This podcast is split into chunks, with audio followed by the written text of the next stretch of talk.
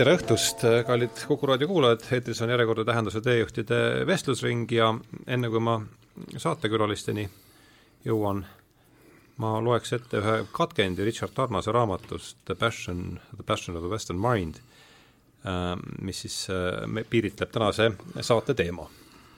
ja tsitaat ise järgmine. Platoni ja Aristotelese liidus leiame seega empiirilise analüüsi ja vaimse intuitsiooni vahel teatud elegantset pinget ja tasakaalu see vahekord on kenasti tabatud Rafaeli renessansiaegses meistriteoses Ateena kool.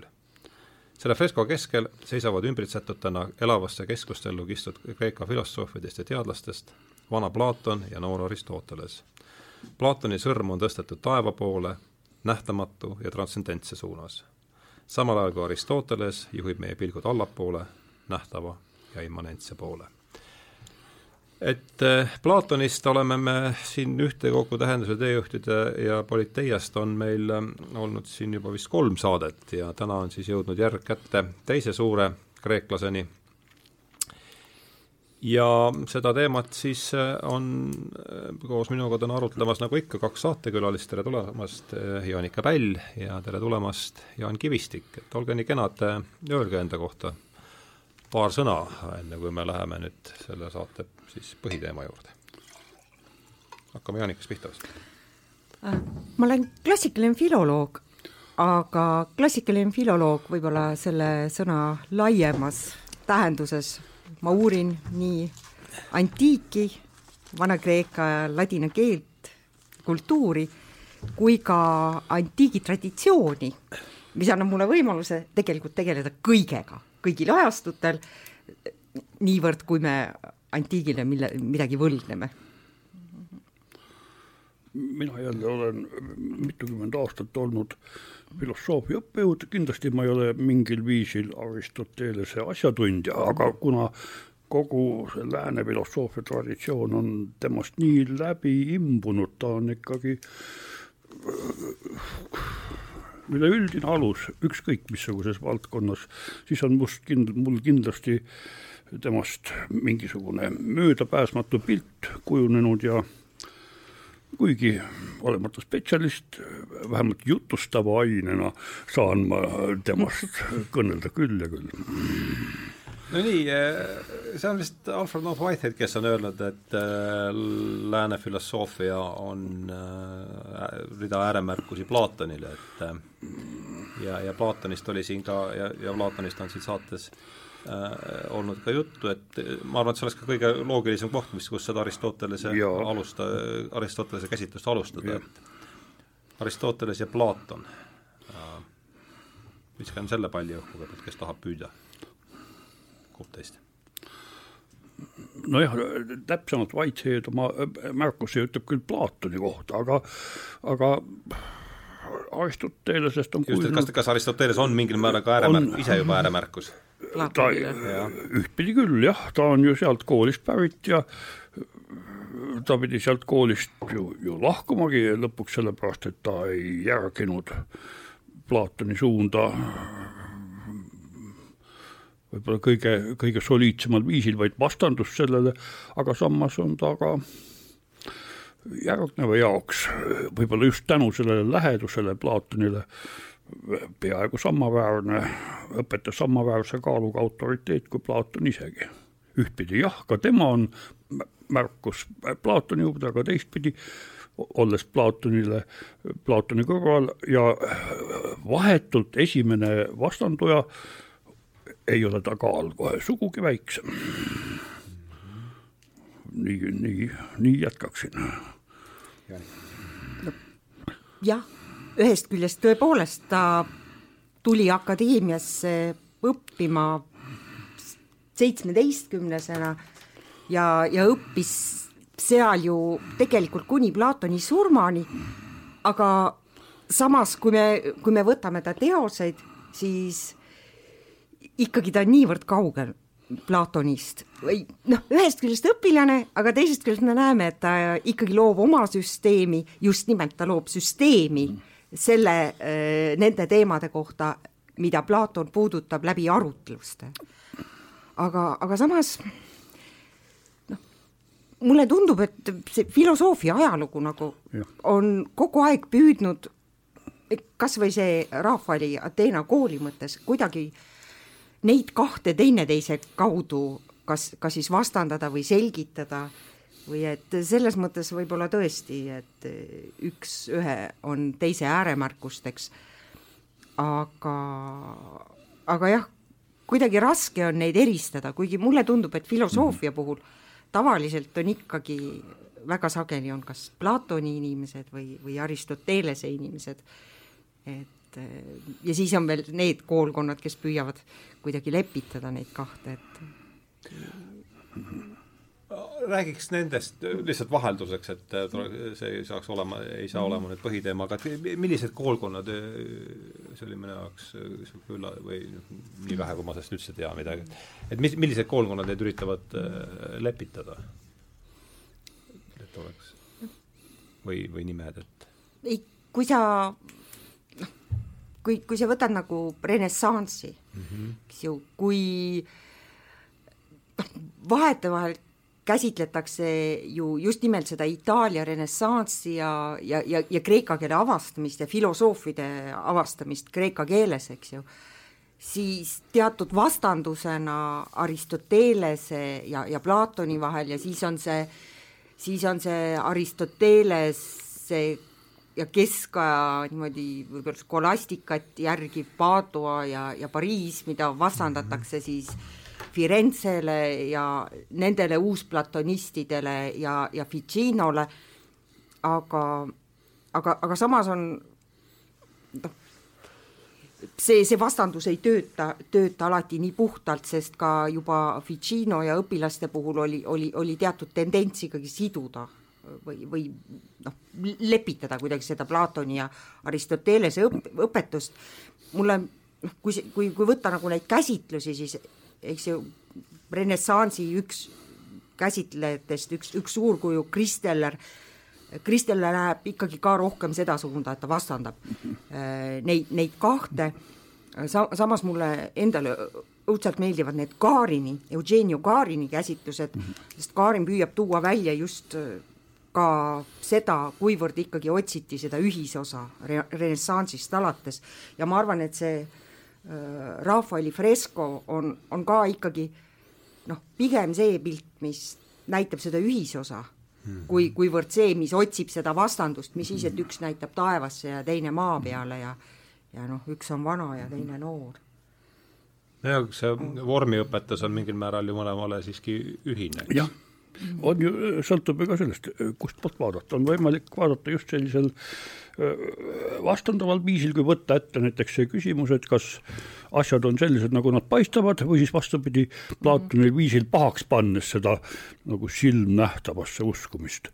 aga, aga teistpidi on võimalik ka keskenduda sellele, et tõesti, üks on ju teise õpilane, neil on üldiselt ju väga palju ühiseid eeldusi ja ainult see tühine küsimus, et kas ideed on veel kuskil mujal või ikkagi ainult asjades, selle võib täiesti kõrvaliseks teemaks jätta, millest võib-olla üldse juttu ei tulegi, näiteks ma, ma mäletan aega, kui õpetati umbes taolist marksistlikku skeemi, et tegelikult need mõlemad on sellised dialektilised idealistid, paistavad küll vastandlikud, aga tegelikult nad on mõlemad idealistid ja see, see küsimus, õiget pilti marksistlikus filosoofia ajaloos ei saanudki, mis seal õieti vahet on. üks, üks puder ja kapsad, sest idealism on selline üldine vaenlane, sinna nad kõik mõlemad, mõlemad mahtusid ühtviisi näotutena idealist oli siis see, see silt selle ja, suure, suure ideoloogilise ja, vaenlase kohta. jah, aga teistpidi, kes ei tahtnud kohe seda sildistamist omaks võtta, sellele võis tekkida küll kahtlus, et mis, mis poolest siis ka Aristoteles on idealist. mul on ka küsimus, et küsimus. me kõik jäime vaimupimedusse selle õpetuse tõttu, et tegelikult nad ju just nagu sellises küsimuses on lausa vastandlikud just ideal-, Aristotelest idealistiks. kui küsimus on tähtis, kas olla materjalist või idealist, kui see on tähtis küsimus, siis oh, kaobki nende vahe ära, nagu kaduski seal. aga kui see ei ole peaküsimus, vaid küsimus on näiteks sellest, kas me usume silmnähtavat või usume seda, mida mõistus meile ütleb, siis, siis osutub, et nad on lausa vastandlikud, nii et sõltub nagu vaatamise aspektist. Kas, kas selles mõttes siis noh, Aristotelese tajuõpetus ja, ja, ja, ja De Anima, see raamat hingest on, on võib-olla üks selline kus ta platoniseerub, ta on yes. just see vist viies raamat, see lühikene, kus, kus ta räägib hinge või, või mõtlemise vormist, see tuleb välja, et seal ta ka ei pääse olemast platonist tegelikult või on midagi taolist. no vähemalt seda on võimalik ju, teda on võimalik platoniseerida seal või, või.... De anima just, jah? jah see, see on hingest meie keeles, eks? jah ja,, hingest, tal on isegi eesti keeles olemas. ja Anne Lille tõlge on. ma just ostsin siin nagu paari aasta eest ja, ja väga hea aga, aga, aga samas kuidagi, kui, kui võtad sel, selle osa, mis tajusid käsitleb selles teanimas, siis on ikkagi ja. Ta, ta niivõrd erinev, aga ja, ja võib-olla sellepärast ongi olnud vaja niivõrd palju kommentaare kirjutada sellele, et, et, et saada kuidagi need, ta erinevate koolkondade jaoks kuidagi ära selgitatud ja põhjendatud, sest, sest samas kõik need sajandid olid ju ikkagi hästi kristlikud, et see küsimus hingest mm -hmm. oli, oli niivõrd oluline mm. -hmm no mind ausalt öeldes huvitakski selle, selle tänase vestluse juures, et kuidas needsamad teemad ja kuidas needsamad mehed jällegi ajaloos nüüd sajandist sajandisse mm -hmm põimuvad ja, ja, ja taas esile kerkivad, aga aga enne, kui me sinna jõuame, oleks järsku mõistlik mm, kuulajatele, kes ei pruugi ju kõigi nende nüanssidega kursis olla, lihtsalt visandada, et milles nad siis kõigepealt eristuvad, põhiasjad üldse paika panna ja siis mm, ja, ja, ja kus on siis see ühine osa ja ja nüüd, olles nüüd siin Jaani loenguid kuulanud viimasel ajal, et ma saan, teen ma lii-, ega ma ei lihtsusta liiga kui liialt, et kui et kaks põhilist erisust on selles, kuidas nad oma ideid esitavad, Platon, nagu mulle meeldis, mis sa nimetad, et näidenditeks, ja see on dialoogile täitsa vahe, vahva niisugune asendussõna, ma leian. Ja, ja, ja Aristoteles siis ähm, sellise süstematiseerijana ja, ja, ja siis muidugi vormiõpetus, võib-olla see esituse vormist räägiks kõigepealt, et kuidas, kuidas kumbki oma teoseid või ideid üldse esitab? no tõepoolest, äh, Platoni äh, tekstid on noh, välja arvatud ta kirjad, ta säilinud teosed või õieti ta teosed on ju ikkagi dialoogid, kus erinevad tegelased esitavad erinevaid seisukohti ja sel viisil me võime just nagu öelda, et Platon esitab igasuguseid seisukohti, sest -hmm. isegi noh, näivalt tema dialoogide peategelase Sokratese suust tulevaid sõnu me päris üks-ühele Platonile enesele ei söanda omistada ta näib olevat äh, lähedane või kõige tõenäolisem Platoni enesevaate väljendaja, aga, aga mitte tingimata, kaugeltki mitte alati. ja võib-olla isegi sajaprotsendiliselt mitte kunagi. ja see vorm tegelikult lubab nagu Platonil olla selline pluralist täht-tähelt me võime öelda, et ta, et kõik need häbematud sõnad, mis seal tulevad, noh näiteks Sofist või Mahhase suust, et tegelikult need on ju Platoni sõnad, Platon ütleb niisuguseid jõledusi. aga äh, sellele vastanduvalt need äh, Aristotelese tekstid on ju tõesti sellised ühe vaatepunkti äh, süstemaatiliselt, võiks öelda, teooriana, teoreetilise teadmisena esitatavad. kohe selge, et, et ta kaitseb mingit ühte pilti asjadest, ühte vaadet, ühte seisukohta. Seal ei ole nagu mitme inimese seisukohtade kohtagi, ta küll peaaegu, noh, ei saa öelda iga, aga paljude teemade juures ta meenutab, mida vanad autoriteedid on öelnud selle kohta. ta, ta juhatab sisse, aga ta sealsamas väljendab ka enese seisukoha nende vanade autoriteetide, sealhulgas ka Platoni suhtes, kui, kui jutuks tuleb.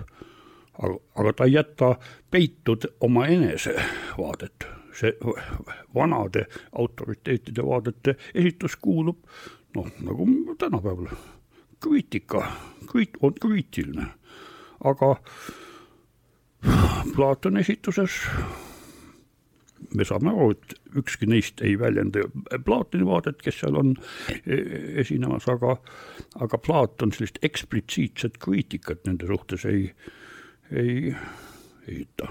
Nad omavahel vaidlevad, aga, aga, aga, aga see, see ei ole jällegi mitte Platoni enese selgelt väljendatud kriitika, vaid see on nende omavahel, nagu ikka näitendislaval tegelased vaidlevad, me võime kord võtta ühe seisukoha, kord teise. täna on ühel õigus meie meelest, aga võime hoopis vastupidist. Aga Plaat, aga Aristotelese tekstides on alati, alati on temale õigus. Aristotelese puhul on ju veel see häda, nagu me traditsioonist teame, et et meieni on säilinud Aristotelese need teosed, mis ei olnud tegelikult avaldamiseks mõeldud. Need äh, niinimetatud akromaatilised teosed, kus ta tõesti esitab enda, enda seisukohta ja enda seisukohti õpetajana, just nagu sa rääkisid, andes noh, erinevate teemade puhul alguses sissejuhatuse sellisesse küsimuse ajalukku ja pärast siis esitades enda sellise võimalikult põhjaliku ülevaate, aga aga Aristoteles kirjutas ju samuti dialooge Ah, ma just tahtsin on... küsida, et kuidas just... on praegune vaade, kas on olnud sellised dialoogid, paistab, et on, jah? jah, et et ta ka ei säilinud, on, on fragmente, aga neid fragmente on tõesti, noh, neid on ka kogutud, päris head fragmendi väljaanded on, aga tal oli ka noh, näiteks neli raamatut õiglusest, eks ju, dialoog mm. või siis ka temal oli sümposion, tegelikult nagu Platonil ja Xenofonil, aga, aga need ei ole kahjuks säilinud ja ka noh, rohkem üsna ulatuslikke fragmente on säilinud tal noh, ühest õhutuskõnest, mis ka kutsub üles äh, ennast harima, aga, aga noh, see oli võib-olla ka jälle, et noh, mingis mõttes ka sellise kirjandusliku vormi äh, küsimus, et tollal traktaati ju noh, iseenesest ei olnud sündinud Aristotelesega või, või nende, ükskõik, kas nad olid avaldamiseks mõeldud või mitte, nende teostega sünnib ju ka mingis mõttes täiesti uus filosoofia vorm mm, -hmm. sest nende eelsokraatikute puhul me ju, me ei oska ju, meil on nii fragmentaarsed need teosed, et me tegelikult ei oska -hmm. midagi nende vormi kohta öelda. hea küll, osade puhul meil on selge, et nad poeemid. kirjutasid värsse, eks ju, olid poeemid -hmm. ja, ja Herakleituse puhul veel me ka ei tea, äkki mm -hmm. mingid, mingid proosapudemed mm, -hmm. aga sellist noh vähemalt säilinud teoste mõttes Aristoteles on esimeseks näiteks sellisest traktaadi vormis filosoofiast mm. -hmm. ma ei mäleta, oskate mind võib-olla aidata, et keegi teine tarkpea on öelnud, et filosoofia ajalugu on mingis mõttes niisugune temperamenditüüpide vahe, erinevate temperamenditüüpide kokkupõrgete ajalugu, et et seal ilmselt mingi kumab ikkagi niisugune temperamendi erinevus äh, kumab sealt, kumab sealt alt äh, läbi, et äh, olete sellega nõus või kui, kui ei ole või, ja kui olete, et siis mis, kui niimoodi hüppate, spekuleerida siin selle üle, et mis, mis laadi temperamendid meil siin kokku põrkuvad? mul mulle meenub sellise, esiteks ma olen küll nagu kuulnud, aga ma ei tea üldse, kelle sõnad need on. ja mul ei ole, tule ka meelde. aga äh, selle äh, asemel mulle tulevad ühed teised äh, sõnad meelde, kelle puhul ma küll tean, kelle sõnadega tegemist on, see on Heegel, kes kirjeldab filosoofia ajaloo käiku umbes nõnda, et kunagi ammu olid filosoofid, kes elasid oma õpetuse järgi. Ja teisiti ei saanudki, nad ju, nad ju teadsid, kuidas asjad on ja siis kuidas sa teisiti elad siis vastu seda. ja siis tuli aeg, kui filosoofideks olid õpetatud mungad, mungad, kes oskasid lugeda ja kirjutada. ja siis edasi lõpuks tuli aeg, see oli siis juba uus aeg, kus filosoofid olid lihtsalt professionaalid, kes läksid hommikul tööle, filosofeerisid ja õhtul olid jälle liht, lihtsurelikud et selle Heegeli skeemi järgi on mõtet rääkida ju neist esimestest filosoofidest kui noh, oma temperamendi järgi filosofeerijatest, aga mis mõtet on rääkida professionaalidest, kes lähevad õhtul koju ja jätavad filosofeerimata, siis nad hakkavad, vot siis nad alles hakkavad temperamendi järgi elama. päevatööd teevad kõik nii, nagu, nagu ülemus käsib vast. jah, kuigi mingis selles mõttes mõttes nad kuulusid ikka, Aristoteles ja Platon mõlemad kuulusid sellesse Platoni esime- või selle Hegeli esimesse sahtlisse, kas mitte? võib-olla just seal see vahe lähebki, et, et mm. nagu just Jaanika seletas, et mingisugune oluline professionaalse filosoofia vorm Aristotelesega tekib, et võib-olla mm. tema juba, tema on juba kuidagi teisiti, et ta alles me kuulsime, et ta oli selline pudikeelne kõhetu mees ja vaat niisuguse võimsa ehituse on ta üles, üles ajanud, et võib-olla tema juba enam ei olnud täpselt, ei elanud oma õpetuse järgi, võib-olla elas hoopis kuidagi. ja tema ju ka vähemalt mingil perioodil oli ju ka teenistuses sest oh, jah, Aleksander ja, Suure õpetajana. Ja, ja, ja, on ka, on ka ja, tal see, see roll olnud. aga samas ma, ma ei tea selle karakteri mõttes, noh, sa just rääkisid Platonist ja dialoogidest, ega Platon jääb ju peitu. me ei et, teagi, milline ta karakterilt oli. kuidas sa ütled tema kohta, et ta, tema temperament on nüüd tema filosoof, kas ta tõesti oli need sajad tegeled, kas ta nagu sipelgapesa, mida me tegelikult loeme välja tema teostest. no ainult seda võib-olla, et kuidas, kuidas mõlemad ja. esitasid oma asja, et üks võtab sellise polüfoonilise esitusviisi. ilmselt see Heegeli mõte, et elada oma filosoofiaga, käib nende eelsete kohta, nende kohta, kellest on võib-olla Sokratese ja küünikute ja, puhul ja. me ei saaks seda, seda öelda ja, küll, et kui me, kui me võtame Platoni, Sokratese mm, -hmm. siis, siis me võiks öelda, et ta elaski ja, oma filosoofia ja. järgi, aga, aga noh, see tema filosoofia, see tuleb jälle kõik Platoni kaudu, ega mm. me ju ka ei tea, mida, mida ta tegelikult rääkis kuigi noh, Platonit ja Xenofoni õnneks kokku pannes saab, saab mingisuguse pildi, aga see veab meid muidugi jälle mhm. Aristotelesest eemale, et aga Aristotelese puhul noh, mulle tundub, et see karakteri küsimus noh, kreeklaste puhul ju, ju, ju tegelikult väga inimese karakteri määras ka kasvatus mm -hmm. ja, ja päritolu ja Aristoteles oli ju arstipoeg mm. -hmm. ja see vähemalt minu jaoks seletab ka ära tema sellise äärmiselt suure huvi loodusteaduste vastu. et kuigi ma noh, filoloogina kipun rohkem noh, kõigepealt ikkagi lugema retoorikat ja poeetikat ja siis võib-olla poliitikat ja siis loogikat ja siis, siis võib-olla lõpuks jõuan ka metafüüsika järel füüsika, füüsika juurde, aga, aga tegelikult on see ju väga-väga suur osa Aristotelese teostest kuigi, kuigi noh, ma ei tea, meie võib-olla ei liigitaks tema De Animat, eks ju mm, -hmm. otseselt füüsika alla mm. -hmm. aga Aristotelesel on see, see loodusse, loodusse puutuv teos ja, ja see võib-olla tulebki sellest tema kasvatusest ja esmasest haridusest, mis ta sai mm. -hmm kindlasti mängib mingit rolli, ma kujutan. mis, mis, mis üldse Platoni see, Aristotelese arstipoeg, mis me Platoni noorusest ja põlvemisest üldse teame? no ta oli väga peenest suguvõsast. võib-olla nii peenest, et seal sellist elukutset polnud vajagi üldse isal-emal. Mulle tundub, et ta võiks üks, tema suguvõsa läheb ikka erajumal Poseidonini välja võib-olla kuskilt ema kaudu või midagi taolist. ja ei, ta oli ja. tõesti Ateena varematest jah, ja, ja see oli ka põhjus, miks ta kuulus sellisesse opositsiooni, sest sel ajal oli demokraatiaga opositsioon.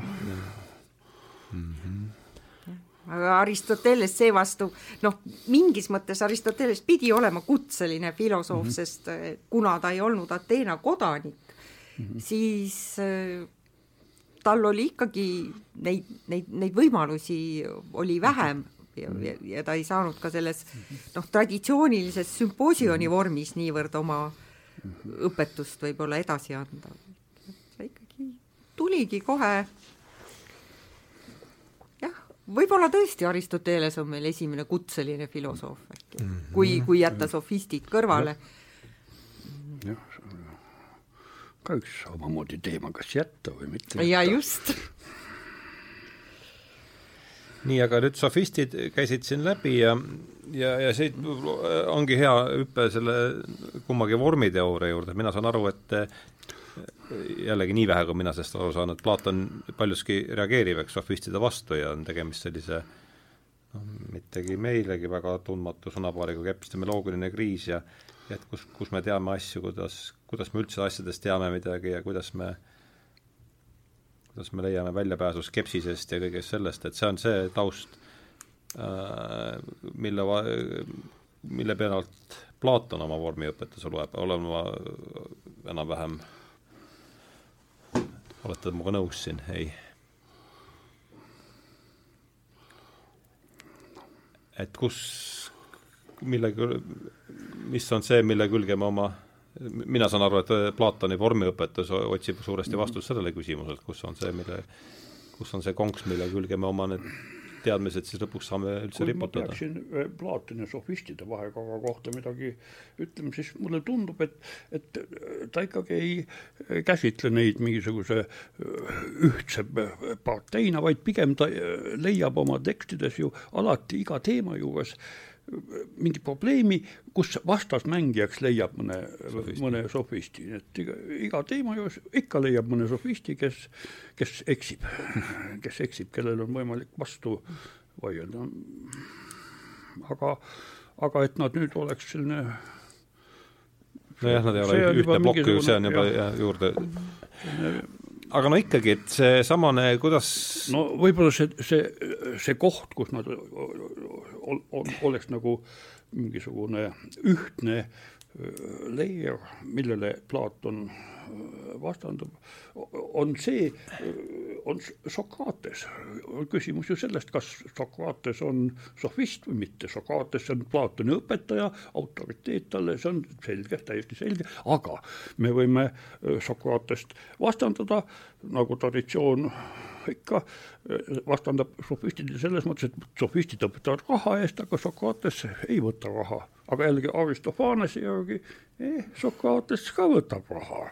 kuigi see, Aristofanes on ju naljamees, me võib-olla ei pea seda nii tõsiselt võtma, aga siiski tema pilved on ikkagi dokument omamoodi, et ka nii saab. et võib-olla filosoofia on seal kuskil mingi hetk midagi sellist, millest raha ei eh, saa võtta ja sofistika on midagi sellist, mis on midagi nii tühist, et selle eest saab raha võtta. See tundub, kui, kui me tahaks, kui, kui tahta tõesti eristada Platonit ja Aristotelest sofistidest, sest tegelikult meetodi arutlusmeetodi mõttes nad iseenesest ju sofistidest ei eristu. Aristotelesel on ju see teos eh, sofistide ümberlükkamised või sofistide kummutamised, mis on Toopika üheksas raamat. Ja iseenesest loeb ta seal üles neid samu argumentatsiooni vigu või neid argumentatsiooniga manipuleerimisi mida ta kasutab ise ja kasutab Platon, nii et selles mõttes see raha kaudu, raha võtmise kaudu defineerimine või noh, nii-öelda selle õpetuse müümine või, või, või kuidagi instrumentaliseerimine, eks ju, millegi muu jaoks, et see võib olla küll üks, üks eristav viis, et mitte isegi niivõrd selle õpetuse sisu kohta, aga ma mõtlesin, et sisu mõttes, et kas, kui otsida sellist ühte, ühte teemat, mille kaudu öö, neid, neid kõiki saaks eristada või vastandustada, et kas see võib olla olemis, õpetus olevast? et kuidas sulle, kuidas sa arvad, sest sellega seoses on ju nii tohutut poleemikat, noh, mitte ainult see, et kas olev on või ei ole või jah, muidugi ühtpidi nagu kas ma söandakski mm -hmm. sofistide üldist olemisõpetust sõnastada, aga samas korraga see äh, mõte sellest, kuidas midagi ei ole, või siis vähemalt seda ei saa väljendada, see on, on ju, ju teada. -hmm. et aga jällegi, üks te,, üks teine liin on, et, et Platoni vahetud järeltulijad olid akadeemilised skeptikud mm. -hmm. kuigi Platon oli öelnud, et see, mis on arvamuspärane, see ei ole midagi tõsiseltvõetavat, aga ometi nad just ju keskendusidki sellele tõe, sellele, et me saamegi teada ainult tõenäolist, me saame ainult tõenäo-, näosusi hinnata ja sa ütled, et nad on Platoni järeltulijad? no kui Platoni kool jah, võib-olla sada aastat peale Pla-, Platonit juba oli see tema akadeemia läbinisti skeptiline mm., no mitte, seal on vähemalt kaks skeptika, skeptilist su suunda, aga see oli jah, just selline, selline isemoodi tõenäosuslik, tõenäosusliku teadmise koolkonda mm. -hmm ah, vabandust, mul läks mõte juba laiali.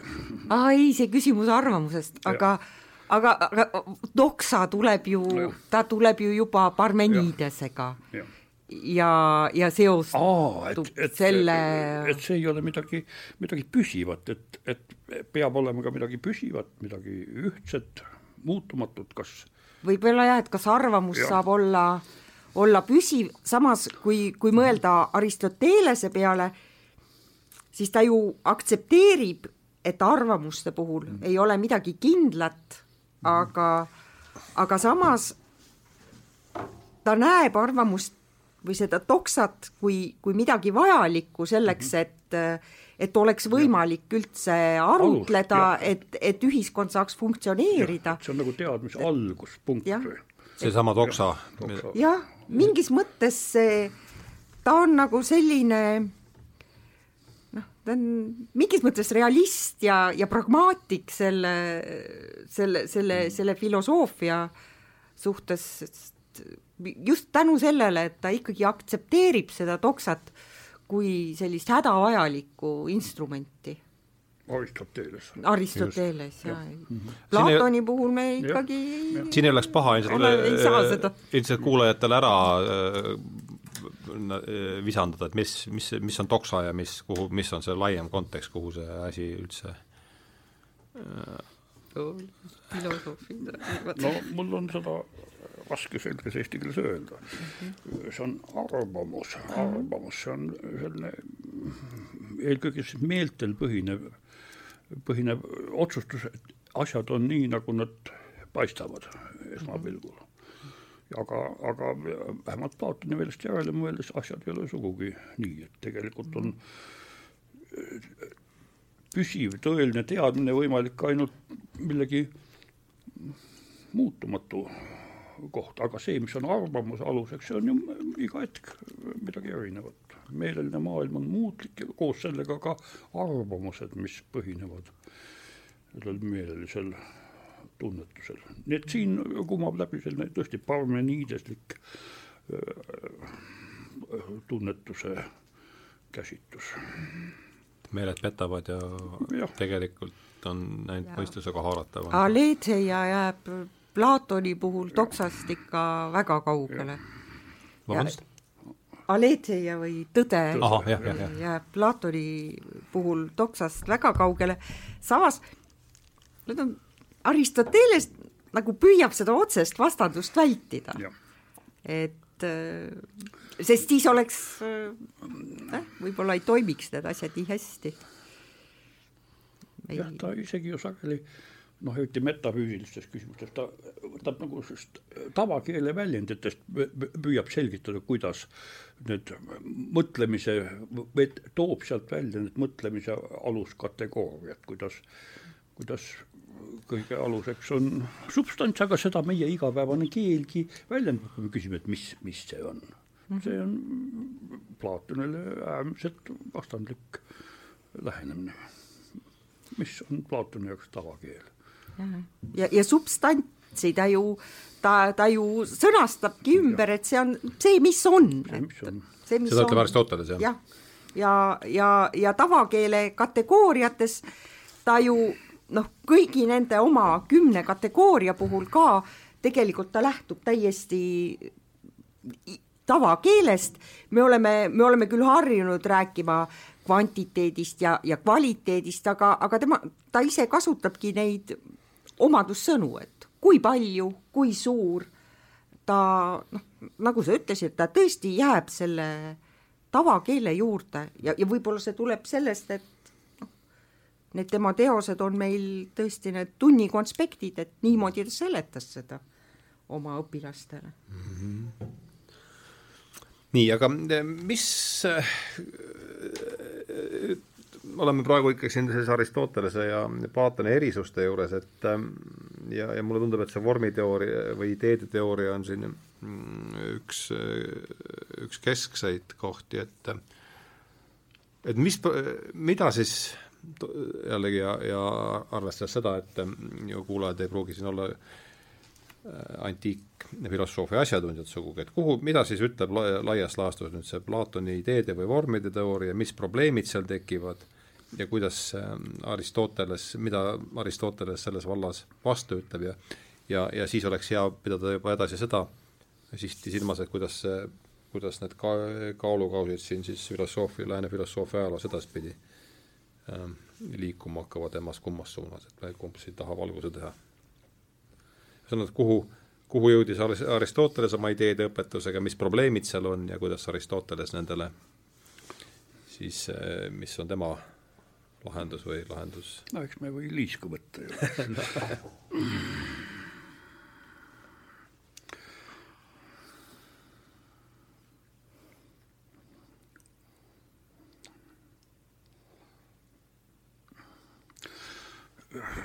sai, sai ju juba nagu seletatud, et ega me, me, me ei saa öelda, mis Platon, mis Platon mõtleb, aga ometi, kui me just ideedest räägime või ideede teooriast, siis vähemalt mingisugune, mingisugune, mõned sellise keskmise Platoni, keskealise Platoni tekstid pakuvad sellist skeemi, mis on nii selge, et isegi vist Aristotelesel nii selget skeemi ei leia, see on jutt sellest, kuidas ikkagi asjade olemused, noh, Platon kasutab seal sagedamini sõna eidos või idea või jah, mõttega tabatav olemus, et need moodustavad siis omaette maailma ja ka inimese hing on nendega no sedavõrd sama mõõtmeline, et tegelikult ta enne inimese kehaga ühinemist on nende äh, vaim, vaimuga või mõeldavate olemustega kokku puutunud.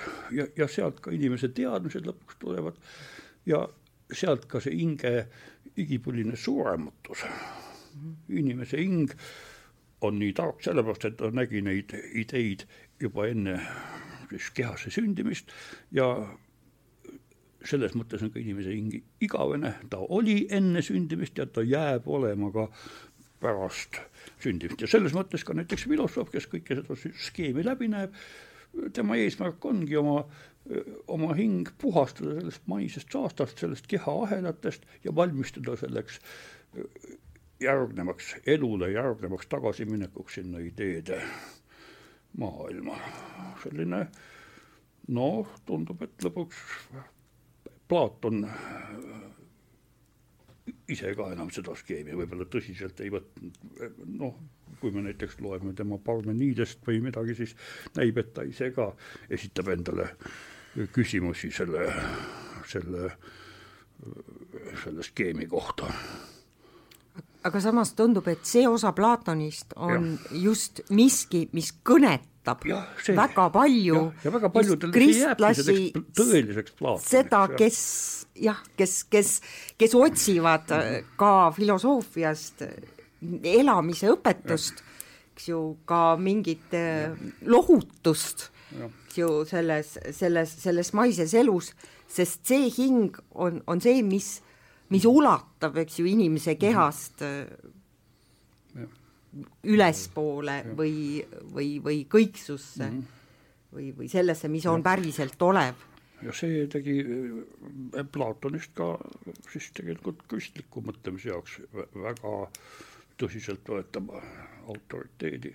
sest Augustinus on pa- palju lähemal Platonile, eks ma kujutan ette, kui Aristotelesele või no leiab ka sellist asja, kus ta võib-olla on Aristotelesel lähedal, aga, aga tõesti, noh, neoplatonistliku muganduse kaudu, sest mm -hmm. samas ju seega jääb ka kõik kehtima, et kõik, mis Platoni tekstides on, kõik vastunäiteid ja see, et see ideede teooria on ainult mingisuguse keskmise hea teoste selline skeem, see käib, jääb ka kõik kehtima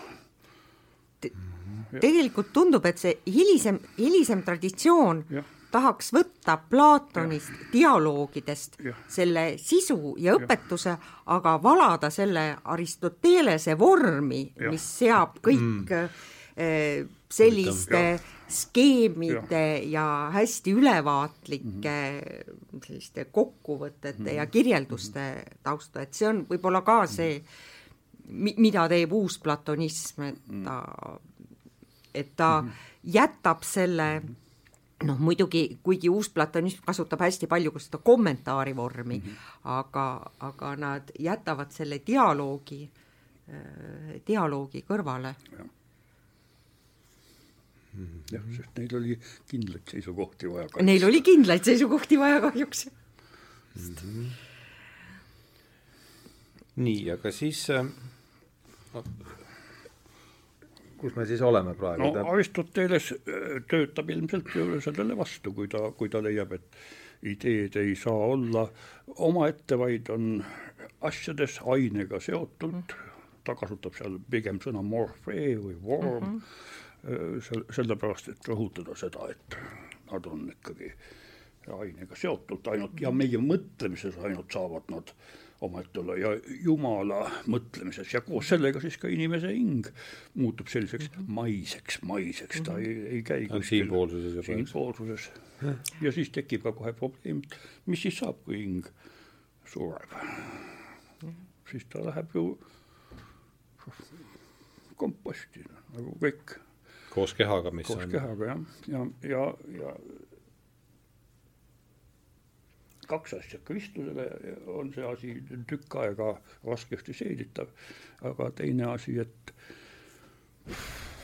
võib-olla mingis mõttes Aristotelesele enesele ka, seal on mingisugune äh, probleem tal sellega, et, et mõtlemine siiski on midagi sellist, mis ei saa olla selline, et tuleb, tuleb sünnitusmajast ja läheb komposti.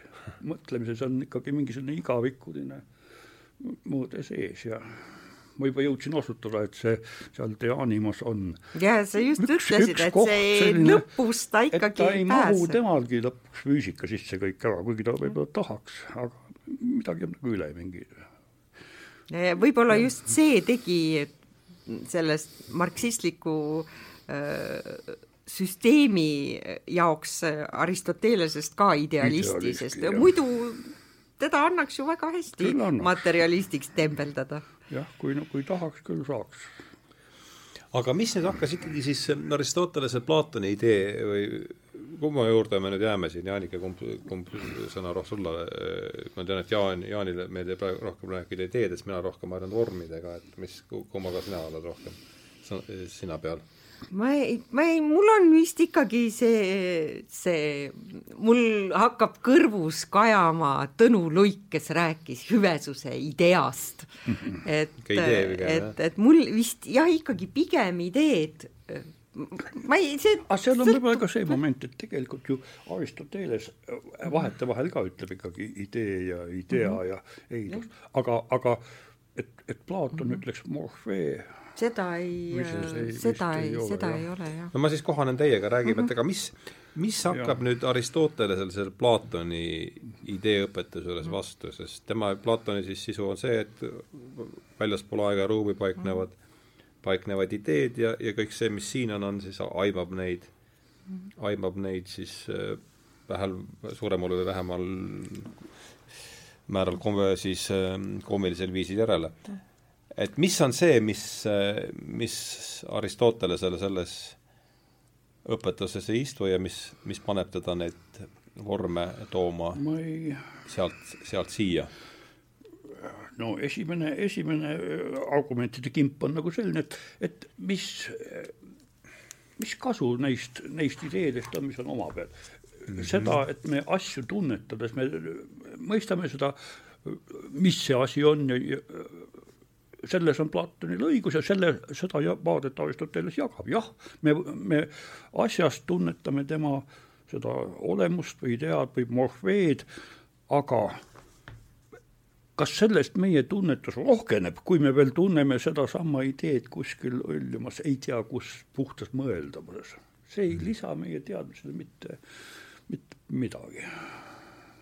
see on selline nagu tunnetusliku tulususe küsimus, et see on lihtsalt mõttetus, miks on vaja kahekordistada maailma, kui me tegelikult sellest mm -hmm. teisest maailmast ei tunne mitte midagi enamat kui seda, mida me sellest esimesest asjade maailmast juba ammutame, see on midagi.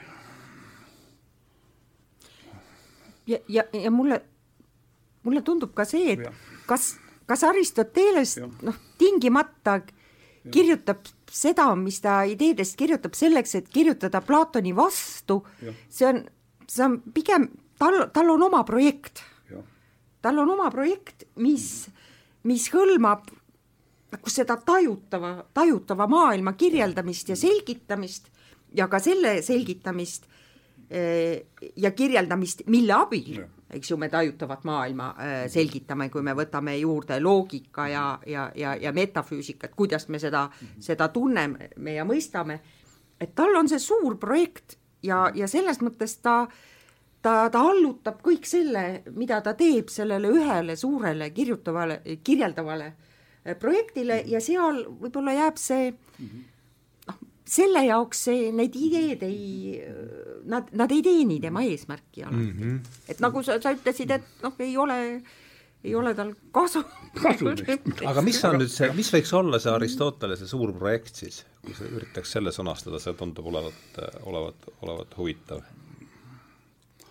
mis on see, mille maailma, maailma kuidagi täielik ammendav kirjeldamine võib-olla, et mm, -hmm. et maailmas nagu need asjad, nagu näha, kõik asjad ju sobivad omavahel kuidagi, me peame seda, seda sobimise seo-, sobimist või seost kuidagi nagu noh, sügavamalt mõistma, see ei tohiks ainult selline nagu pilt, meelne pilt või arvamus olla, vaid teooria tasemel peaksime selle tõstma, see võib-olla, võib-olla mulle meenub, et, et, et, et võib-olla isegi kõige rohkem, kui metafüüsikast otsida, see Aristotelesele käib vastu see, et, et tegelikult ju need ideed, nad nagu just nagu peaks põhjendama või isegi tek-, olema asjade tekkimise noh, aluseks või vähemalt põhjendama tekkimist, aga ei, ei midagi, Platon ei ole väga selge selles mõttes, et kuidas ideed on asjade põhjuseks. see jääb uduseks. Ja ma kunagi loengus olen kuidas asjad osalevad nendes jah, et, et seal on veel see jutt, et, et et kuidagi see on ju üldise mõistena esitub see idee ja siis ta nagu peaks asju endasse mahutama ja seal on liiga palju funktsioone Platonil neile ideedele vaja anda. ja ükski neist ei ole väga selge ega tõhus ega segaseks jääb tema vaates. Ja just see selgus on see, mida tema tahab. Kuigi Aristotelest lugedes tundub, et noh, see küll selge ei ole, see on, see on nii muidugi raskepärane ju, tehniline ja aga, aga miks ta selline on, sellepärast, et ta tahab olla selge, ühemõtteline. Ja Platonit on nii mõnus lugeda, sest tal ei ole seda kavatsust olla selge ja ühemõtteline, vaid ta laseb erinevaid vaatepunkte sealt läbi isegi. Aristoteleselt sõltub ka teosest, sest osa on selgelt äh, lõpetamata ja sellised noh, hästi skemaatilised, et äh, sellepärast on, on teda, teda, teda ka raske lugeda. Aga noh, tõesti, kui sa võtad, eks ju, see kogu selle korpus Aristoteelicumi, eks ju, mida on mingis üle saja raamatu ja kui, kui sa vaatad, siis see noh, tekib küll selline ammendav pilt, et mm sa võtad noh, sa võid alustada metafüüsikast, eks ju, mis on see, mida hiljem nimetati, eks ju, esimene filosoofia, ja siis sa võtad selle olemise õpetuse läbi, siis sa võtad organoni, eks ju, sa saad kogu selle, selle arsenali, eks ju, mida noh, hea küll, juba eelsokraatikud, juba sofistid kasutasid, aga et ikkagi kuidas kuidas loogilise arutelu kaudu seda maailma kirjeldada ja selgitada. Ja siis sa lähedki eetika ja poliitika juurde ja, ja, ja füüsika juurde, mis, millest ta võib-olla alustas, aga, aga mis noh, ma ei tea, kui, kui, kui, kui alustada filosoofiat, Aristotelese filosoofiat nagu metafüüsikast, siis, siis jääb niisugune tunne, et siis peaks füüsikaga lõpetama. kuigi noh, kui, kui võtta see käsikirjaline traditsioon, siis on nagu vastupidises järjekorras.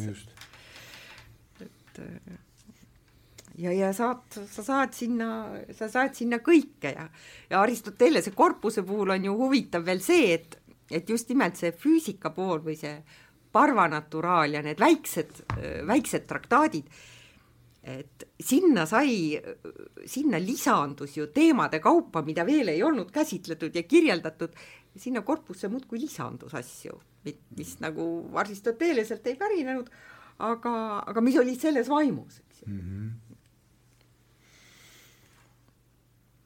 nii, ja nüüd me siiamaani oleme ju val-, valdavalt vaadanud oma metafüüsikat ja füüsika nimi on siit läbi käinud ja ja füüsika möödunud, eile just salvestasime saadet Descartesist ja sellest uusaja, uusaja mm, koidikust ja seal on ju see Aristotelese mudeli vastu minek üks, üks, üks olulisemaid äh, suundumusi, et järsku me nüüd räägiksime ka sellest, äh, samasugusest äh, füüsikapildist, mis siis pärast läbi Aquino jõuab, jõuab keskaega ja mille vastu siis äh, uusaegne filosoofia ja teadus ennast äh, sätib, et äh,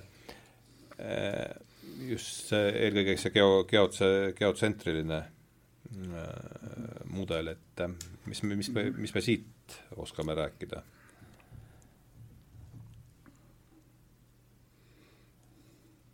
et see rida, just Aristotelese füüsika, selle tõlgendus Aquino äh, poolt ja siis see, kuidas ta jõuab sinna uusaja koidikule, et järsku see oleks huvitav, huvitav teema, mida siin niimoodi sa mainisid Descartesi, et ei, ei lihtsalt me eile just ähm, tegime temast ähm, saate, sest äh, nüüd pühapäeval saab ju nelisada, möödub nelisada aastat sellest unenäost.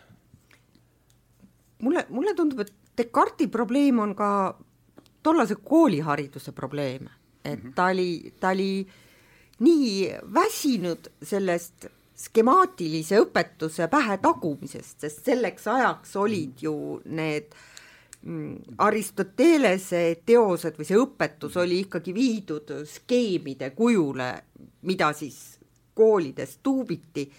Ja noh, see Aristoteles ise võib-olla kadus sinna nende mm, skeemide mm, sisse ära ja, ja see vastuhakk on, oli pigem sellele kooliõpetusele kui, kui, kui võib-olla isegi sellisele maailmavaatele või sellisele oleva looduse, füüsilise looduse kirjeldamisele mm. -hmm. aga no geotsentriline, see on noh. jah, ma olen ju tegelikult ju kunagi kuskil püüdnud põhjendada seda, et miks Aristoteles kolmeteistkümnendal sajandil populaarseks sai, et seal oli kaks põhjust, üks oli see, et see juba nagu Jaanika rõhutas, et Aristoteles on see, kes on sellise akadeemilise õpetuse vormi jaoks. No, kergemini pro-, kergemini bürokratiseeritav. ja, ja, ja, ja teine on see, et kolmeteistkümnendal sajandil juba on see selline lihtsalt see linnakultuur ja tehnoloogia ja tehnika juba nõuab sellist empiirilist teadmist ja, ja Aristoteles on palju asjalikum igasuguse empiirilise uurimise alusena kui Platon, kes siis seletab, et tegelikult hinge, hinge, hinge uurides saame kõik igavikulised tõed teada ja see empiiriaga tegelemine ei ole midagi tähtsat. ja nüüd siis tegelikult ju see seitsmeteistkümnenda sajandi, kuueteistkümnenda, seitsmeteistkümnenda sajandi selline värskenemine vaimuelus, see toimub ju samuti sellise noh, viljaka, viljaka või sellise empiirilise uurimise nälja, nälja loosungite all, nagu, nagu Bacon seletab, et uut teadust peab, Francis Bacon seletab, et, et äh, uurimistöö peab olema selline noh, tulutoov ja, ja igasugune viljatu skolastika tuleb sinna paika jätta ja need on needsamad loosungid, mille, mille, mille all kolmeteistkümnendal sajandil Aristoteles sisse toodi ja teda ka õigustati. Ja nüüd needsamad loosungid kõlbavad selleks, et Aristoteles maha jätta ja uuesti sellise nagu juba seotud galileilik, dekaatiliku, mis tähendab nagu plaatonlikku vaadet asjadele, et, et me püüame mõistusega asjade tagant, selle silmnähtava tagant leida mingisugust üldisemat skeemi, nii et tegelikult toimub vist just täpselt see, mida Jaanik ütles, et see haridus oli kuidagi nii tüütuks ja igavaks läinud ja see no, elu, elu bürokratiseerumine on see sõna. ja, ja, ja enne nagu nalja, enne nagu nalja, täpselt vastupidine tegelane, seesama Platon, kes kolmeteistkümnendal sajandil sai ära tõugatud viljatuse pärast, seda läks nüüd just vaja, et see viljatu Aristoteles maha jätta ja uuesti ja, ja siis leiutatakse kõiksugu. mul on täpselt see samasugune, samasugune mulje jäänud täpselt. empiirilised teadused olid ka niivõrd palju ja. edasi arenenud, et eh, nüüd oli võimalus, eks ju. just see jätta... matem-, matematiseeritavaks muutunud. et sai vahetada seda maailma pilti, sai mm. pilti vahetada, uus pilt aitas äh, neid vanu, vanu institutsioone nagu ületada või mm. nende, nende raames, vähemalt nende kõrval, noh, selliste vabade kirjavahetajate inimeste tegevuses hakata uut, uut teadust ja muuhulgas siis ka astronoomide uut heliotsentrilist pilti propageerima ja, ja keemikud Boyle need neli algelementi kõrvale jätma ja mis seal kõik jõuti juba saja aastaga jõuti väga palju. ja, ja eks mitte, mit-, mit-, mit-, mitte ainult matemaatika ju tollal ka, ka muusikateooriasse jõudis, et mm. seesama Descartes on ka muusikateooriast mm. kirjutanud ja väga tõesti väga konkreetseid matemaatilisi arvutusi seal kasutanud intervalliteooria puhul. jah, aga see nagu see, kuivõrd see on juba ju toimunud, et on näha, et saab üht ja sama nagu pilti kasutada kord nii, kord naa, kord selleks, et edasi minna, kord selleks, et seda jälle tagasi lükatakse, maha jäetaks, pole võimatu, et meil on praegu käsil mingisugune uus aristoteelelik, aristoteelliku pildi pealetung, et mingisugune ekspertide vastane revolutsioon või mis, mis siin ja, ja igast suunast.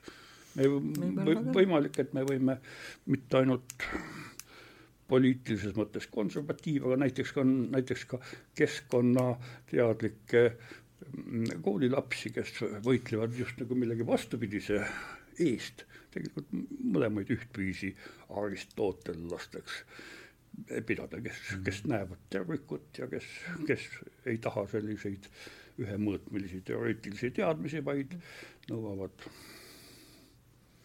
midagi. no tundub, et need justkui, justkui need kaks põhilist mudelit, mille vahel meil siin no oma, oma aga, selle mõtteviisi raames aga, aga me ju näeme ka, et see, need ei ole mitte ainuvõimalikud, me võime ka mõelda mõtlemise arengust kui materjalismi ja idealismi võitlusest, meil on ka selline pakkumine olnud. see, samas see Platoni me saame jätta selle idealismi poole, aga Aristotelese puhul tõesti, no me näeme rünnakuid sellisele entsüklopedistlikule äh, maailmakirjeldusele, soovidele, kuigi, kuigi entsüklopeediad arenevad äh, järjest rohkem, Vikipeedia katab varsti kõik.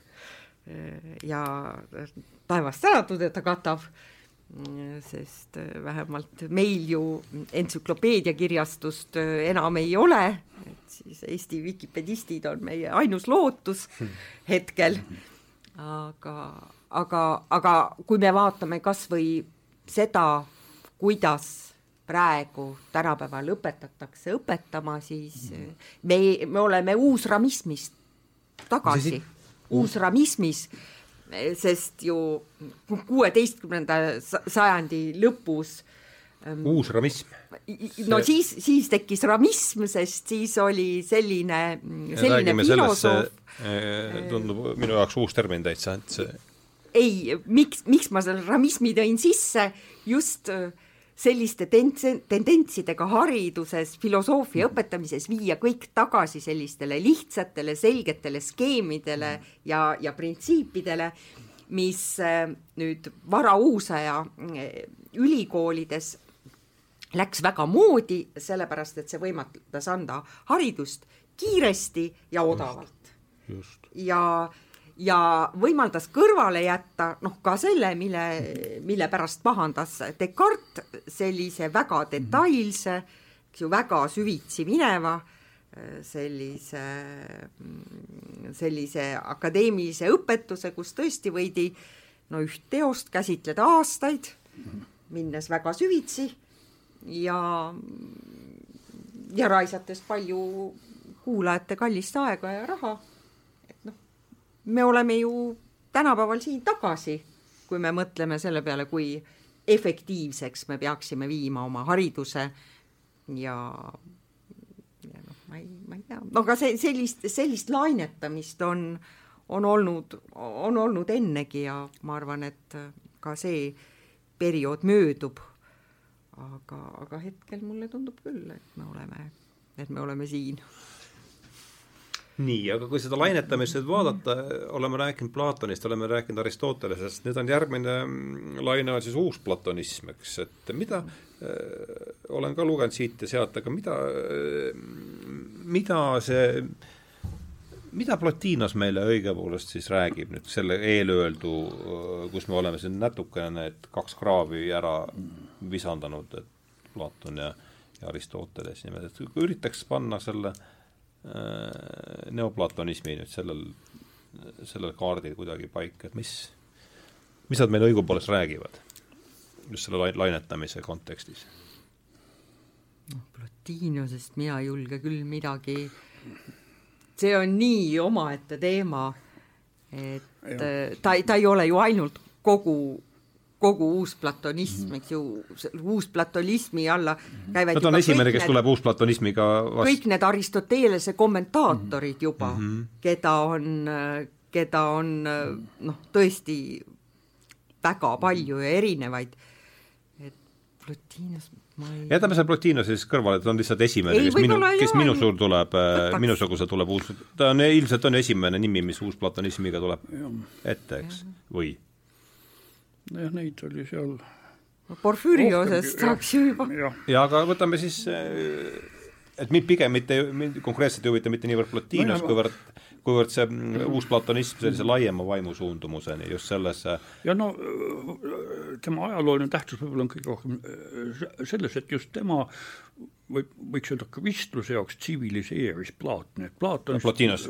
just nimelt tema mm, -hmm. ta on teinud Platoni sellisest väga palju, palju võimaldavast sellest tekstikogust on teinud ühe valiku, nii et mingis mõttes võib isegi öelda, et et ta on eelkõige Platon Timaiosest teinud sellise, kui Timaios on Platoni jaoks noh, selline omamoodi hüpotees ja, ja ma rõhutan, et seal ei ole mitte Sokrates see, kes jutustab seda maailma loomise või maailma ehituse hüpoteesi, vaid seal on, selle jaoks on eraldi toodud Pythagorlane Timaios, et seal on nagu kaks sammu on Platon sellest peategelasest seal eemaldunud mm. -hmm tavaliselt on ta üks samm Sokratesest eemal, aga nüüd on ta lausa kaks sammu, et ta ei, ta ei taha nii väga ennast siduda ja ütleb, et kõik see, mida see Timaios nagu meeleliste asjade kohta siin räägib, mis maailmas on, et see on ainult tõenäoline, et, et tõsikindel saab olla ainult selles, mis on ainult puhtmõistuspärane, see tähendab, et maailma,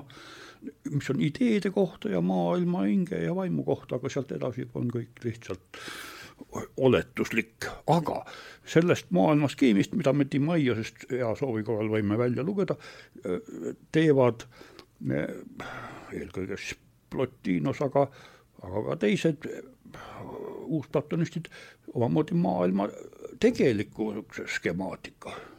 Aga see on jällegi see vaade seal neoplatonismile, neoplatonismile niimoodi, nagu plaat-, vaade Platonile oleks just selline ideede teooria keskne vaade, et tegelikult mhm. see neoplatonism on palju suurem äh, nähtus, et see, et üldse niimoodi Platonist saadi, saadi selline teoreetiline tõsikindel skeem välja lugeda, selleks oli vaja seda Aristotelesest saab päritud sellist range, tõsise mm -hmm. teooria tegemise mehhanismi, nii et sellepärast ei saa sellist Aristoteles on selle kaudu seal sees. Aristotelese loogikast vähemalt seal ja. ei pääse, et see mm -hmm. Aristoteles annab tööriista, millega Platonit niimoodi lahata dialoogid, dialoogid saadakse mingiks trak-, traktaadi moodi rohkem asja, just, väga huvitav. Jah, Plotinos ei ole enam dialoogide mees, ta on jah, tal on sellised väiksed minitraktaadid. Need oli seal Marju filmis olid ju sinna vahele pistetud ja. kenasti, eks mul. jah, Marju jaoks oli ta üks, üks noh, selline unistuste objekt, võiks öelda, ta tegeles paljude asjadega ja tal ei jäänud selle oma rutiinuse jaoks. jaoks aega, kuigi võib-olla ta mõtles temast. Iga päev natukene. aga aga, aga Dimaios jah ja. sa on, on üks, eks ja. ju, ja, ja siis olid vist veel ka, kas ei olnud mm. Menon ja Faidon, eks ju, need dialoogid, mis ja. kristlusele Olulised, sobisid jah, kõige ja, rohkem ja, ja, ja, ja mida ka ladina ja. keeles nüüd tunti, sest, sest suur osa Platonist ju ja. avastati ja. alles kuueteistkümnendal sajandil. jah või viieteistkümnenda lõpus, jah. jah, et siis mm, -hmm. siis ilmusid need üldised täielikud tõlked, et noh, see mis see Dimaios sobis hästi, siis oli fa-? Faidon. Faidon on see, kus inimene valmistub suremiseks või vähemalt filosoof valmistub suremiseks mm. -hmm. kõik kehaline on siin tühine. et see, see, need ideed kristlusele sobivad mm. -hmm et sellepärast on, on ka need ja, keskajal ja, kõige tähtsamad. ja sellepärast ka siis see neoplatonism on just nagu võib-olla Kristuse poolt tänulikult meeles peetud, et tema on need, need ideed nagu mm -hmm. kinkinud või parandanud. et sa ikkagi saad surematu inimese surma, surematu hing mm -hmm. on ikkagi see võti, mis mis, mis on oluline lun-, lunastusõpetuse jaoks, et se-, sellepärast on, on Platon nii ja. tähtis. jah, ja see, see nagu see skeem, kindlasti Augustinus on selles mõttes neoplatonist, et tema ka sellist jumalast emaneeruvat, jumalast välja voolavat maailma äh, maailma ülesehitust tunnistab, see on selgelt neoplatonistlik äh, skeem. aga juba skeem ja, ja, skeem iseenesest, see oli huvitav, et see tuleb no. tuleb Aristoteleselt see no, no see just loogika ja Just, selline just, teo, teooria ülesehitamise ja, ja ka see, kuidas, kuidas millestkist, mille, millest rääkida, mis on need põhikategooriad mm, -hmm. mida me mõtlemisel, mida me arutlemisel kasutame, nad võivad käia Platoni dialoogidest läbi mm. -hmm aga äh, ta ei esita neid kusagil niivõrd süsteemselt, kui, kui seda teeb Aristoteles. no sest Aristoteles on õpetaja. Oma koolis, tal on teised õpetamismeetodid, eks. Ju, selle süsteemsete ülevaadete, mis vähemalt näivad täieliku ülevaatena, et noh, sa kunagi ei saa hakata kirjeldama maailma nii, et sa loed üles kõik, kõik elemendid, et isegi kui, kui me ütleme, et noh, nüüd me loeme üles kõik, mis on, siis alati tuleb järgmine inimene, kes leiab veel mingeid puuduolevaid elemente, et et see on, aga, aga vähemalt see ambitsioon, eks ju mm, -hmm. lugeda üles kõik, kirjeldada ära kõik ülevaatlikult on, on Aristotelesel olemas ja, ja ka klassifitseerida kõik, eks ju, see klassifitseerimise koht on nüüd ka hästi oluline loodus, loodusteadustes, mis, mis peripateetikutel edasi läheb. ja, ja, ja see on ka see, mida, mis mis, mis mingil määral on, on, on see Aristotelese pärand, mis on loodusteadustes eh, ikka, ikka alles, kuigi, kuigi me näeme, et klassifikatsioonisüsteemid ei pruugi kehtida, eks ju, see, kuidas Aristoteles või, või Theophrastos taimi või loomi klassifitseerivad, see ei, see ei ole enam seesama, mis on Pliniusel näiteks ja, ja see ei ole üldse see süsteem, mis on Linneel ja, ja, ja tänapäeva taksonoomiad on veel erinevad, aga püüdlus on aga see püüdlus, et oleks selline kõiksuse taksonoomia ükskõik mis valdkonnas mm. -hmm. et äh, see on võib-olla see, mis on, ma, ei tea, kas ma ei, ma ei, ma ei ole filosoof ja nüüd ma võib-olla olen täiesti äh, Lähen liiale, aga, aga mulle tundub, et see võiks olla see aristotelismi tuum mm. -hmm. et sa tahad anda mingi kõiksuse taksonoomia mm. -hmm. kuigi Aristotelesel võib-olla, ma ei tea, see kõiksus -hmm noh, ei ole võib-olla kogu kosmos, vaid on nagu see kuualune. kuualune jah ja. mm. -hmm. et see, mis on maapealne või maal ja taevas, aga ikkagi selles meie füüsilises kombatavas maailmas. no nüüd siis antiigi lõpus tuleb siis Platon, ma saan aru, läbi Augustinuse no jah. tagasi, laine, laine liigub sedapidi? see on jah, aga kas see on päris Platon, see on selline töödeldud Platon. no just, jah. platonism mingis ajastule või kristlusele sobivas esituses. mingi valik, sest nagu juba öeldud, juba Vaitseed ütles meie tunni alguses, et et kõik tuleb Platonist, nii et selles mõttes saab sealt mm -hmm ja selles mõttes ka Aristoteles tuleb Platonist, mida ka juba, milleni jõudsime ja jah. aga samas ega Aristoteles ei kao, sellepärast et Aristotelese loogika on seal sees juba. ühest küljest on, on seal sees mm. ja teisest küljest õpetatakse seda eraldi, eks ju, kogu, mhm. kogu keskaja, eks ju, organ on, on ju see, mis tõlgitakse esimesena, mis on äh, eks ju, ta, tal on ju ka see neoplatonist Porfüüriose sissejuhatus, eks ju, pluss siis, eks ju, Poetiuse tõige seal mm, -hmm. seal järel. et, et see on nüüd see osa, mida, mida tõesti Aristotelesest loetakse mitte mingisuguste käsitluste kaudu, eks ju, vaid mida, mida loetaksegi teda otseselt teda ennast.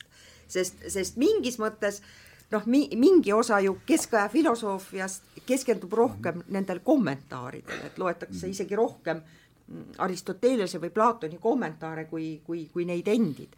aga, aga loogika on see, kus minnakse ikkagi ka hästi palju otse, otse tema mm -hmm. juurde aga ma saan aru sellest sinu loengust, mis sa pidasid seal oktoobris, et nüüd hakka, hakkab tulema siis läbi Araabia hakkab äh, kesk, keskaja siis äh, Koidikul hakkab Aristoteles tulema tõlgete kaudu, Hispaania kaudu. ja, ja, ja see teoste kättesaadavus on ju ülioluline tollel ajal, kus kuidagi jah, eurooplased lasid, lasid Aristoteles ja Kreeka, kreeka keele tundmise ja koos sellega ka kreeka tekstid kuidagi unustusse. aga, aga seal Lähis-Idas kreekakeelne hellenistlik kultuur säilis ja, ja araablased kuidagi kas süüria keele vahendusel või võib-olla isegi kopti, võimalik, et Aleksandrias või siis seal kuskil mõnes teises keskuses nad suutsid otse ka kreeka keelest araabia keelde midagi mhm. tõlkida. Aga nad tõesti kasutasid ja, ka Süüria, Süüria keele vahendaja ja, rolle. ja araablaste jaoks oli, oli see üks, üks ja, osa tarkustest. eile ja. oli meil just see mm, raamatukogus oli orientaalkäsikirjade mm. näituse avamine ja sellega seoses professor Schneier äh, rääkis ka äh, just nimelt sellest, nendest kultuurikontaktidest, eks ju, Bütsantsi ja, ja Ottomani riigi vahel ja just sellest, kuidas kahe riigi esindajad kohtusid selleks, et vahetada käsikirju. Mm.. et kumbki pool andis teisele edasi seda oma tarkust. et selles mõttes araablased tõesti huvitusid just nimelt nendest loodusteaduslikust ja meditsiinialastest, eks ju, geograafia, noh, üldiselt loodusteadused ja meditsiin, see oli see, mis nende jaoks oli Kreeka tarkusest oluline. aga, aga no muidugi sellest kui nüüd Aristotelest uuesti avastati, ega see kõik muidugi ei tulnud ainult araablaste kaudu, sellepärast et need tõlked ikkagi hakati üsna, üsna vara tegema ka otse, eks ju, juba Aquino Toomas, eks ju, tellis endale ka selliseid ähm, Aristotelese tõikeid, mida äh,, mida kasutada, et eks see kuskil kolmeteistkümnendast sajandist alates need, need tõiked ikkagi tulevad ka mhm. juba otse, otse kreeka keelest.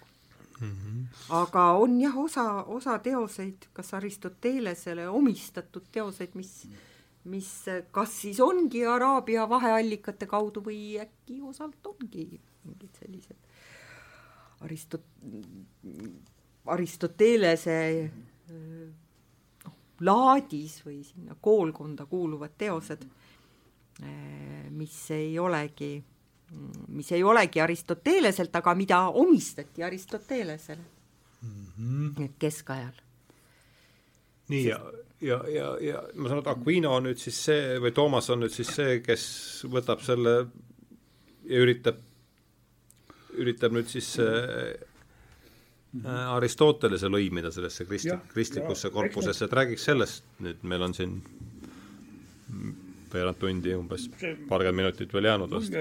mulje on küll mul niisugune, et eks neid katsetajaid oli teisigi no. ja, ja aga osa neist lõpetas ikka vot see, mida tänapäeval kaksiktõe, on kaksiktõe teooria selle kohta öeldakse või, või kaksiktõe see jah, jah, jah, ja mina olen ka kohanud, kohanud. küll nuheldud ja, ja, ja aga, aga see, mil viisil see Aquino Toomas Jaan, vaata mikrofoni sul. Aquino Toomas äh, esitas, see oli äh, vastuvõetav, eriti siis kirikule.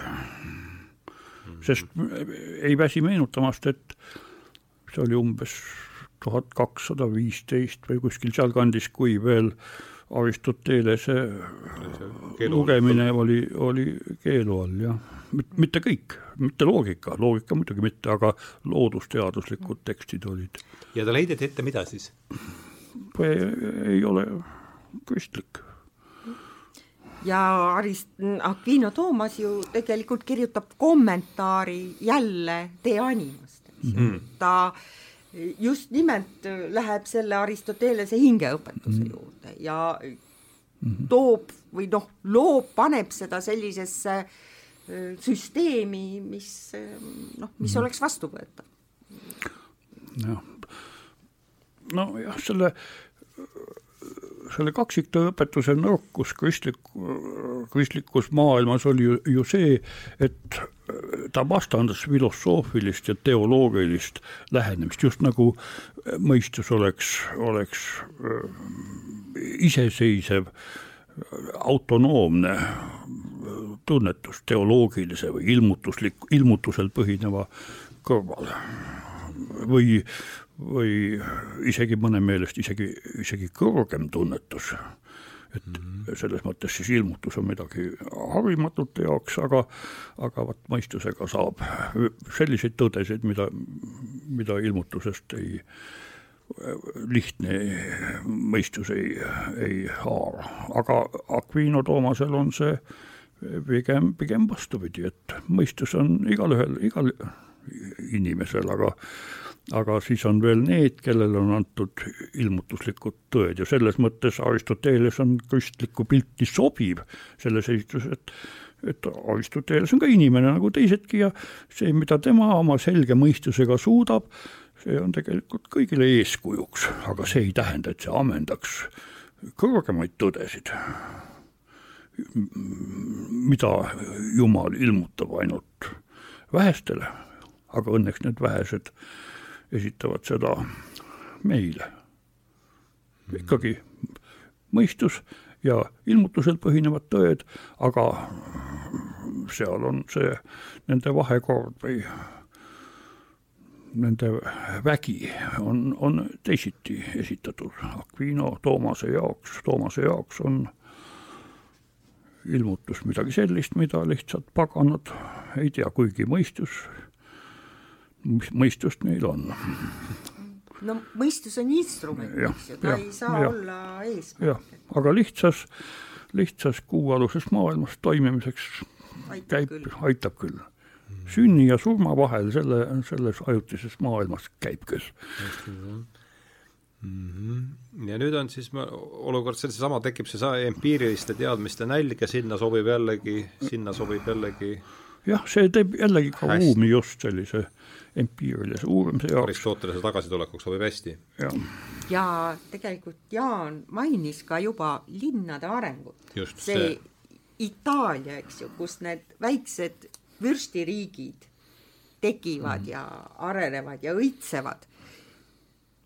Neil on, neil on vaja Aristotelest nüüd mitte ainult enam ka mm, loodusteaduslikke mm. teoseid, organoni nad saavad jätta kõrvale kogu loogikaga aga siis saab oluliseks ju seesama äh, eetika ja poliitika, sest ega seal sellel, sellel pildil, eks ju, ei ole Aristotelesel asjata käes Nikomahhos eetika sest äh, tal peaks äh, olema, Platonil peaks olema käes Timaios seal. siin on juttu nüüd siis sellest Rafaeli ja maalist. sellest samast Rafaeli maalist Aha. ja Aristotelesel on Nikomahos eetika.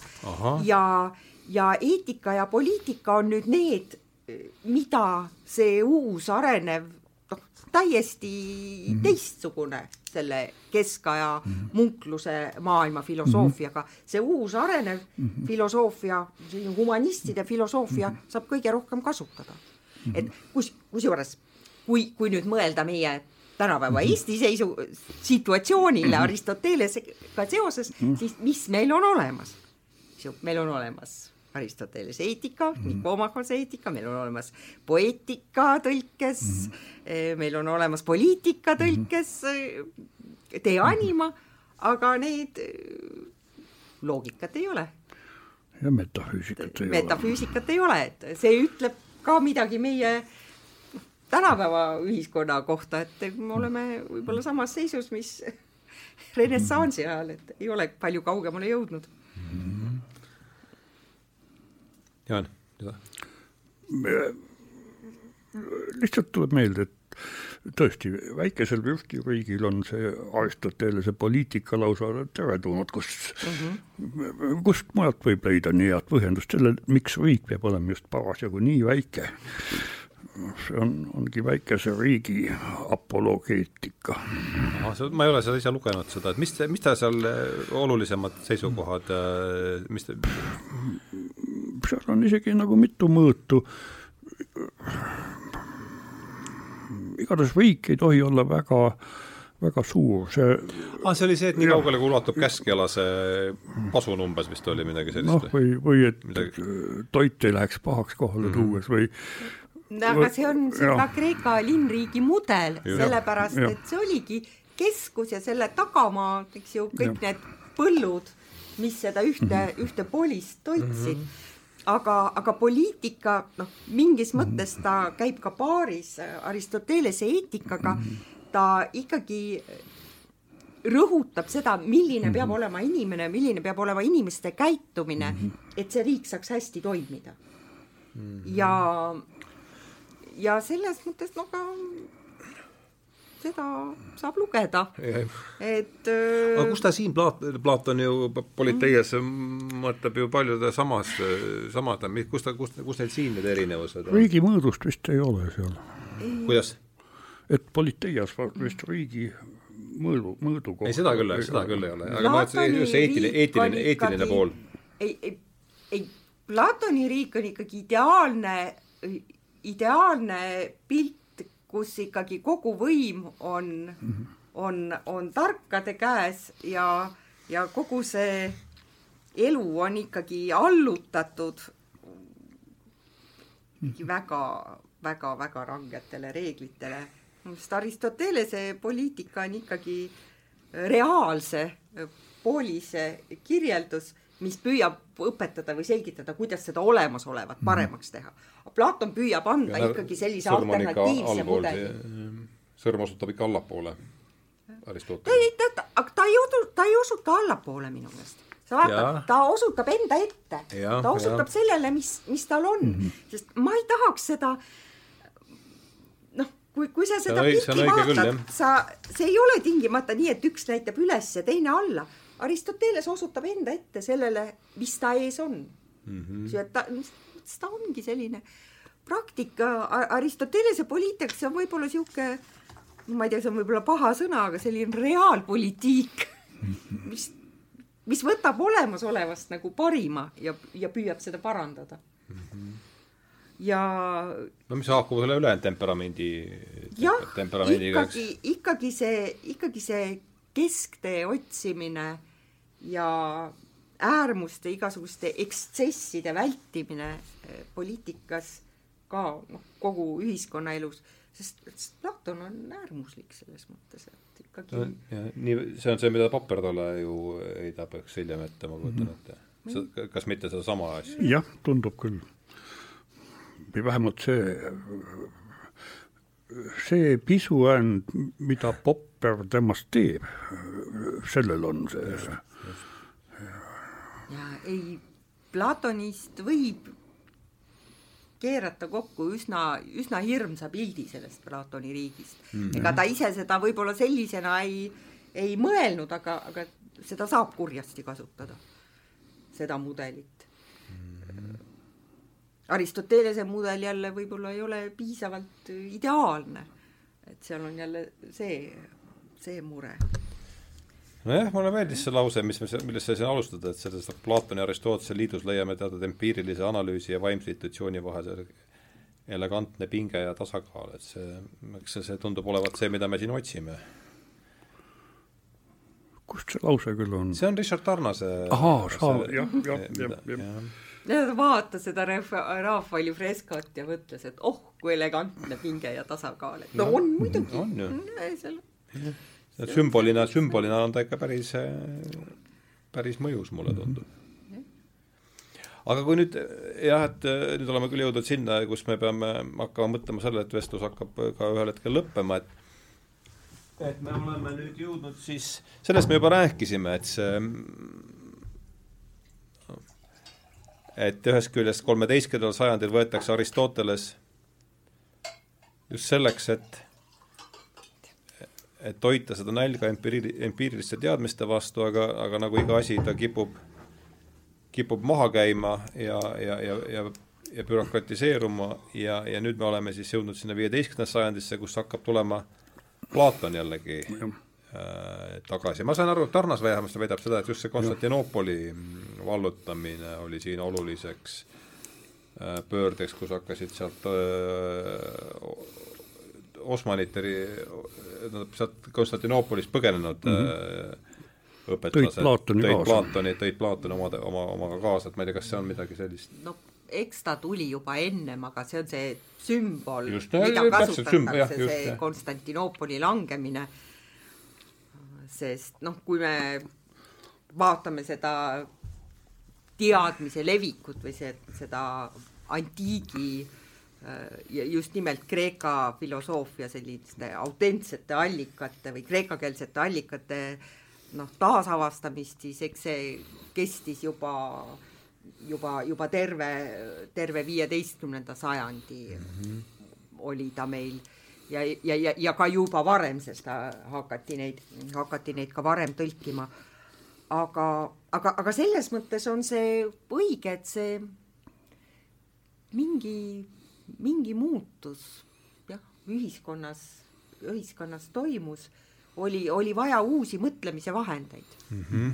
ja, ja see, seda pakkusid nüüd tegelikult mõlemad siis, nii mm. Aristoteles kui Platon. Sest see, sest see vahepealne noh, võib-olla selline versioon Kreeka filosoofiast, eks ju, mis andis mingi amalgaami Platonist ja Aristotelesest, et see, see jäi võib-olla liiga kitsaks, sest ta just pühenduski põhiliselt kas siis õpetus hingest või mm. siis, või siis lihtsalt tehniliselt, eks ju, loogika, arutamise õpetuse õpetamine, aga, aga ühiskond jäi kõrvale mm. -hmm. ja, ja nüüd oli vaja, oli seda mm. -hmm. et sest se, se, sellepärast siis Aristoteles, eks ju, et ja sellepärast on seal pildi peal ka taleetika käes, mitte, mitte mingi muu teos mitte need loodusteaduslikud või, või filosoofiaalased käsitlused. aga, aga muidugi Platon ei kao kuskile, sest no pigem ma just räägin, see viieteistkümnenda sajandi, kas tuleb ju Platon tagasi? jaa, aga tuleb ka Aristoteles mm, -hmm. aga Aristoteles tuleb tagasi, just tuleb tagasi Aristotelese eetika ja poliitika mm. -hmm. et, et selles mõttes tulevad tagasi mõlemad, aga, aga erinevalt. Aristotelese puhul äh, jääb see loodusteaduslik loogika pool jääb tagaplaanile, mm -hmm. aga aga, just renessansi ajal tuleb see ka, poliitiline, eetiline pool. selles ah, mõttes on ka Aristotelese renessanss, renessansi ajal, et mitte ainult mm, -hmm. mitte ainult Platon. aga noh, Platon jääb ikka no hinge, hingeõpetus jääb ikkagi, ikkagi väga -hmm. oluliseks renessansi ajal ka aga, aga muidugi siis see pilt Platonist läheb, läheb, läheb avaramaks, sellepärast et tõlgitakse ära kogu Platon mm. -hmm. ja sealt mm -hmm. leiab muudki peale, peale hingeõpetuse mm. -hmm. mida ma nüüd just tahtsin küsida ah,, Vicino nimi käis siit läbi enne üsna vestluse alguses, et kuidas tema sellesse paar sõna, minu, minu jaoks on ta suhteliselt hiljutine avastas, et no, tema tõlkis. tema tõlkis, et oli, olid, olid Medicid ja, ja kes rahastasid seda asja siis? kes rahastasid seda asja, just. ja kes siis, noh, suguvõsa oli ju muidugi suur, sealt on vähemalt kaks paavsti tulnud, kui, kui, kui mitte rohkem.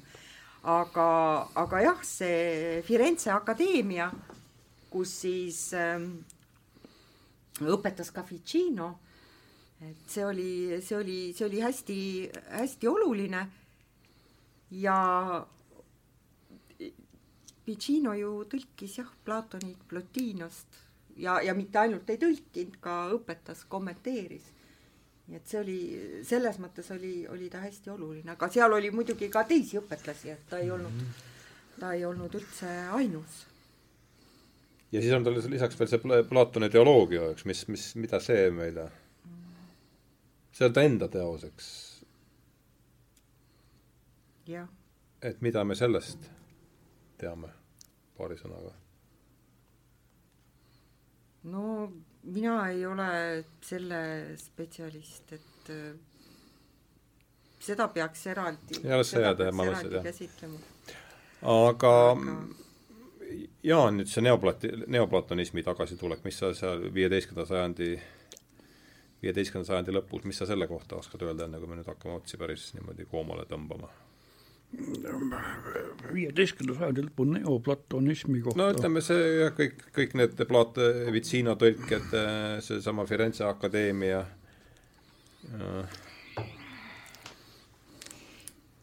tegelikult sul on õigus, see Platoni ideoloogia tuleks ära tõlkida kui nüüd järgi mõtlema hakata, et me saaks seda, et me saaks seda korralikult mhm. käsitleda mm, -hmm. tegelikult tuleks see ära tõlkida, muidugi on väga palju erinevaid asju, mida tuleks mhm. tõlkida, aga kui järgi mõelda, et mis mhm. võiks olla ka neid teoseid mm -hmm. renessansi ajast, mida me hädasti vajame mm, -hmm. siis see oleks see tundus olevat nii vähe kui mina see tundub olevat mm -hmm. ja üks, üks võti, mille kaudu saaks mm -hmm. lugeda äh, selle ajastu äh, Äh, seda ajastut, äh, selle ajastu vaateid äh, Platonile, aga, aga muidugi ka see, et see, see on jälle Platon, kes on pandud mm. teoloogia teenistusse. et see, see võib-olla, ütleme võib-olla pool sajandit hiljem mm. peale seda on, tekib, tekib huvi ka Platoni Platoni enda vastu ja jäetakse noh, võib-olla ei instrumentaliseerita nii palju enam mhm. Platonit või jäetakse, hakatakse huvituma ka sellest, mida siis Platon ja sofistid, et kuidas, kuida-, kuidas, kuidas see filosofeerimine või, või kuidas see kogukond elas mm. -hmm. aga, aga esialgu Platon jah, on ikkagi selline inimese hingeharimise teejuht no,? mul on jäänud mulje, et seda uus, uuse teaduse rajajaid, siin siis äh, Kopernikut, Keplerit ja Galileed mm, -hmm. need ikkagi inspireeris paljuski see tagasi uue, uue kuue saanud Platon oma selle nojah, aga see on pigem ikkagi meie vaade asjale, me no jah, leiame ma... mingisuguse äh, Platoni-päevase skeemi ja kui me vaatame neid, nende, nende mõtlemist ja siis tundub, et see, see, see kvant, kvandikava, mille me Platonist, Platonist tegime, et see passib nende, aga nüüd vaevalt nüüd, et nad süvenesid, oleks nad Platonisse süvenenud, ei oleks nad, ei oleks neil looduse jaoks aega ei jäänud v. võib-olla jah ja. aga, aga me mõtleme niimoodi, et no jaa, et Platon on püta-, pütagoorlaste õpet-, õpilane, eks ju, et sealt viiakse ja. see maailm tagasi nendele arvulistele ja. mudelitele ja et tänu sellele ja. Ja. me näeme, kuna, kuna see oli oluline Just. selle varauuse ja kosmoloogia jaoks ikkagi see mhm. matemaatiline maailmapilt, sel-, sellepärast me paneme nad kõik ühte paik-, patta mm. -hmm aga noh, eks see matemaatika oli ikkagi üsna, üsna palju edasi arenenud selle. jah, ega ega tõesti, ega ma ei, ma ei söandaks isegi sellise lihtsa analoogilise mm -hmm. asja puhul nagu aatomid öelda, et need aatomid, millest Kassendi räägib kuskil tuhande kuuesaja viiekümnenda aasta paiku ja need aatomid, millest räägib Demokritos mm -hmm. tuhat üheksasada jah, jah, et, et need oleksid täpselt samad või, võimalik, et see sõna, et Kassendi oli siiski just sõnast kuuldud, aga et ta nüüd tõesti olgugi, et Lucretius on hea stiiliga meeldiv lugemine, ega siis, ega siis vaevalt küll, et ta sellega nii väga tegeles, vaid ta mõtles siiski eelkõige muid mõtteid, nii et ma ütleksin kõige selle kohta ikkagi tagantjärele tarkus, et koha peal tehakse need mõtted valmis raskesti jälgitaval viisil me võtame ikka seda, iga ajastu võtab ikkagi seda ja, filosoofiast, mis talle oluline on mm. ja ja siis püüab ennast samastada ja. nende varasemate aga mõtlejatega. päris niisama tühi õhu võngutamine ju see ka ei ole, millega me tegeleme, see on mingid seosed, mingid mõtlemise võimalused ikkagi on, mille vahel tuleb valida ja päris niimoodi vaba, vaba mäng ka ei ole. ja tundub, et nad ongi nii olulised sellepärast, et nad piirit-, Platoni Aristoteles ikkagi piiritlevad ära mingid mõtlemise võimalused. me, meie ja. jaoks mulle, mul, mulle tundub nii. meie jaoks tunduvad need nende pakutavad võimalused olulised olevat. Ja siit võib-olla olekski siis nüüd tark hakata seda asja päriselt kokku tõmbama, et äh, me oleme siin Platoni ümber ja nende võimaluste ümber ja, ja, ja osaliselt on see ka juba jutuks tulnud, et kuidas see tänasesse päeva võiks siis, et need võimalused tänases päevas, mida tundub siis Aristoteles ja Platon endast, endast kujutavad, et olekski viimane, viimane küsimus teile mõlemale. veel kord osaliselt on see juba siit niimoodi läbi käinud meie varasemas vestluses, aga kui nüüd võtta selliseks lõpukoodaks jõud kokku. pikk õhtu on olnud pikk, päev ka. kumb tahab alustada? ma ei tea, ma tegelikult juba rääkisin sellisest maailma ja olemise taksonoomiast, et see on meie jaoks tänapäeval endiselt oluline teaduses, aga võib-olla me ei ole niivõrd seadnud küsimuse alla selle selle meetodi või selle lähenemise rakendatavust mm. -hmm. et võib-olla see on midagi sellist, mi- mm, -hmm. mida nüüd uuesti, uuesti käsile võttes saaks ära kasutada selleks, et muuta meie arutlemismeetodeid, meie maailma kirjeldamise meetodeid sobivamaks. sest äh, seda, mis puudutab tema eetika või poliitika äh, alaseid teoseid mm, -hmm. ma mhm. loen retoorika sinna juurde, et noh, seda, see on ikka selline kasulik -hmm. ja, ja, ja, ja huvitav lugemine -hmm. ta toob seal välja selliseid tõdesid, mis on rakendatavad igal ajal, aga see ei ole midagi, midagi uut, need teosed on olnud renessansist alates kogu aeg kohal ja, ja, ja kasutuses noh, rohkem või vähem. aga ma mõtlen, et võib-olla see võiks olla midagi huvitavat, mis aitaks meid, meid mõtlemises edasi. kõlab mõistlikult, Jaan. kui ma kui ma peaksin Aristotelesele mingit kohta või kohta, kus teda paistab rakendatavat või mitte teadlikult, vaid lihtsalt, et kust nagu kogemata tema mõtteviisi rakendatakse, siis mulle tundub, et see on mingisugune inimeste nälg tervikute järele, et mm -hmm. nii nagu Jaan ikka rõhutab praegu, nagu maailma terviku äh, noh, süstematiseerimise ja siis mõtestamise järele, vaid ka selliste üksikute konkreetsete asjade tervikuna käsitlemise järele, kuidas muidu inimesed ju noh, noh näiteks meditsiinis suhtuvad kriitiliselt muidu nii tõhusasse, tõhusana näivasse, näivasse tõenduspõhisesse meditsiini ja siis huvituvad igasugustest sellistest holistilistest lähenemistest tervise parandamisele või siis, või siis, või siis noh, näiteks kas või see looduse kaitsmine ja armastus, ökoloogiline nägemine, mis on selgelt ju terviku, terviku säilitamise püüe. Mitte äh, huvitada üksikute liikide, vaid mingisuguse loodusterviku kaitsmisest, säilitamisest. Või mingisugune selline võib-olla isegi jah, mingit uuskonservatismi äh, põhistav võiks see, see kujuteldav aristotellik äh, maailma pilt olla, mis kas on, võiks öelda, on moes, on, on, paistab olevat moes, aga kas see mood on tuhande või, või kümneaastane, seda juba enam ei taha öelda. no jah, kui see mood aitab meil säilitada Jah. meie elukeskkonda, Siis siis annaks jumal, et oleks tuhandeaastane. oleks tuhandeaastane, jah. no jah, eks neid näiteid, kus selline terviku või holistiline vähemalt unistus on, leiab, leiab teisigi, noh näiteks